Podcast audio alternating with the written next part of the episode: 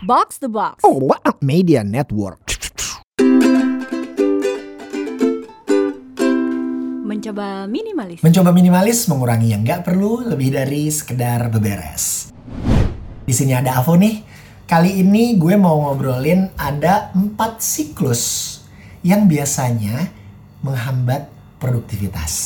Ya, gue yakin siklus-siklus ini juga kayaknya pasti banyak atau pernah minimal dialami sama temen sih ya. Gue sendiri sih memang masih struggle ya gitu, tapi minimal dengan mengetahui empat siklus ini, Temis bisa jadi lebih aware gitu dalam mengatur aktivitas sehari-hari gitu. Karena kan sering kali yang namanya kerjaan atau proyek independen pun sering kali kita banyak distraksi, banyak tantangan, ya, banyak hal-hal yang akhirnya bikin kerjaan atau proyek tersebut jadi nggak kelar-kelar, ya. Nah, di sini gue mau share ada empat tipe siklus yang biasanya itu menghambat produktivitas kita. Ini kontennya gue kutip dari akun Instagramnya Jenis Ozolins at Jozolin. Jadi beliau ini adalah seorang kreatif konsultan sekaligus coach juga gitu. Kalau temen lihat konten-konten Instagramnya itu sketsa-sketsa desainnya itu mirip-mirip sama Jessica Hagi. Jessica Hagi ini juga yang pernah menerjemahkan The Art of War-nya Sun Tzu dalam bentuk tabel dan diagram. Itu bukunya merupakan salah satu buku favorit gue banget karena bagus banget buat self development. Ini dia siklus yang pertama,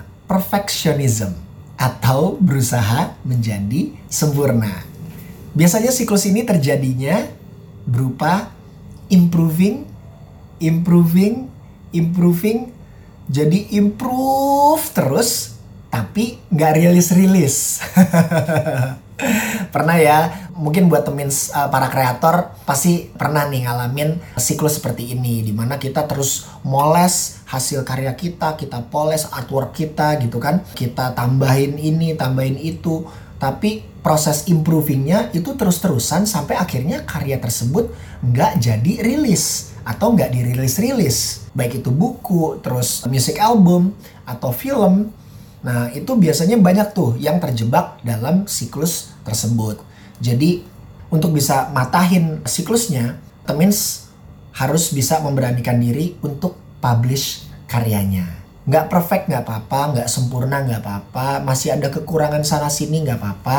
Karena biar gimana pun kan karya tersebut juga bagian dari perjalanan ya gitu. Gue sendiri kalau ngelihat filmmaker juga nggak semua filmmaker itu bikin debut pertamanya langsung oke okay kok. Pasti ada pengembangan lebih lanjut pasti ada perbaikan juga yang lebih bagus gitu sehingga karya-karya mereka selanjutnya juga akan terus meningkat tapi yang penting rilis dulu nah Jenis siklus yang kedua, New Idea Syndrome atau sindrom ide baru.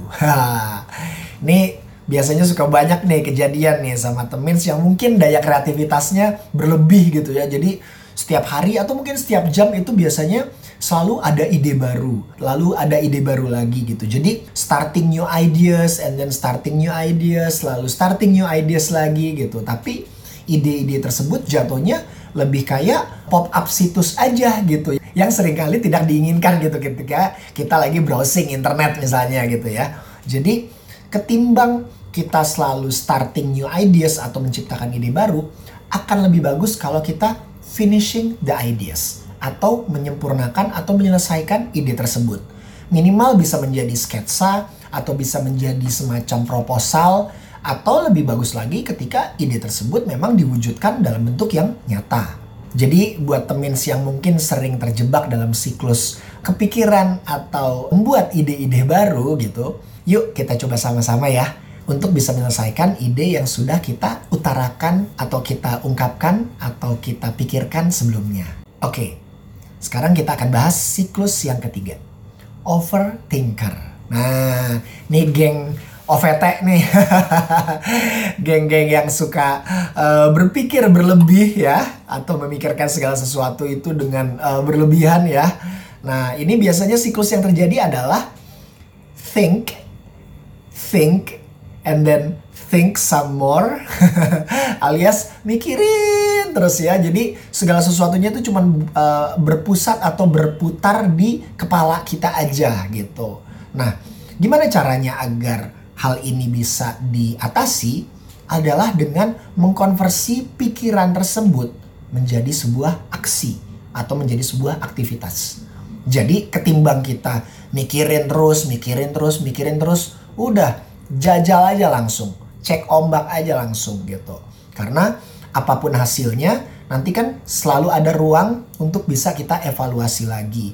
Minimal ketika kita memberanikan diri untuk take a leap of faith, untuk crossing the bridge gitu ya, untuk membuat yang ada di kepala itu menjadi sebuah aksi, apa pun resikonya, apa pun akibat yang ditimbulkan, apa pun konsekuensi-konsekuensi yang ada, pasti nanti bisa menjadi bahan kita untuk bisa menentukan aksi kita selanjutnya gitu. Jadi jangan terlalu berkutat terlalu lama dengan pikiran kita gitu, apalagi sering kali apa yang kita pikirkan kan belum tentu sama dengan realita atau fakta yang ada ya gitu. Jadi buat temen yang mungkin lagi kejebak sama siklus overthinking ini, yuk kita mulai beraksi ya.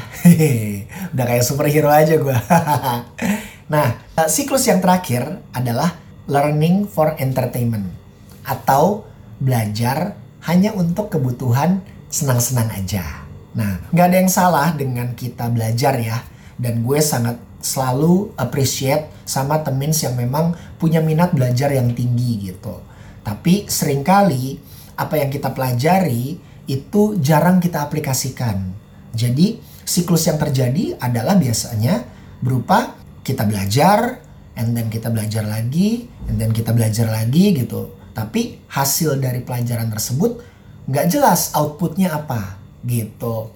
Kalau hanya untuk sekedar menambah wawasan, it's okay. Tapi ketika kita kebanyakan belajar tapi nggak pernah praktek, nah itu juga kan pasti akan merugikan buat kitanya sendiri gitu karena ilmunya ya jadi mandek dan mampet dan cuman numpuk di kepala atau menu-menuin harddisk laptop kita gitu atau Google Drive kita ibaratnya ya.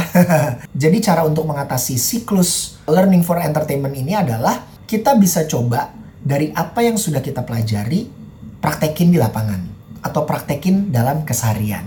Minimal ketika kita bisa merasakan manfaatnya, apalagi jika ternyata ilmu yang kita praktekkan itu bisa bermanfaat buat orang lain, pastikan kita juga bisa turut berkontribusi ya untuk making a better society.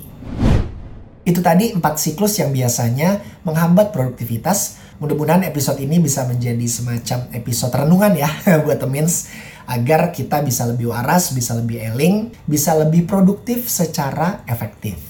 Buat lo yang suka sama episode ini, jangan lupa share ke temen yang butuhin yang siapa tahu dia juga lagi struggle sama siklus yang tadi gue share ya. Boleh juga kasih review bintang 5-nya di Spotify lewat HP lo biar gue sama Puri tambah semangat rekaman episode-episode baru. Kita ketemu lagi di episode yang akan datang. Awo Chaps. Mencoba minimalis.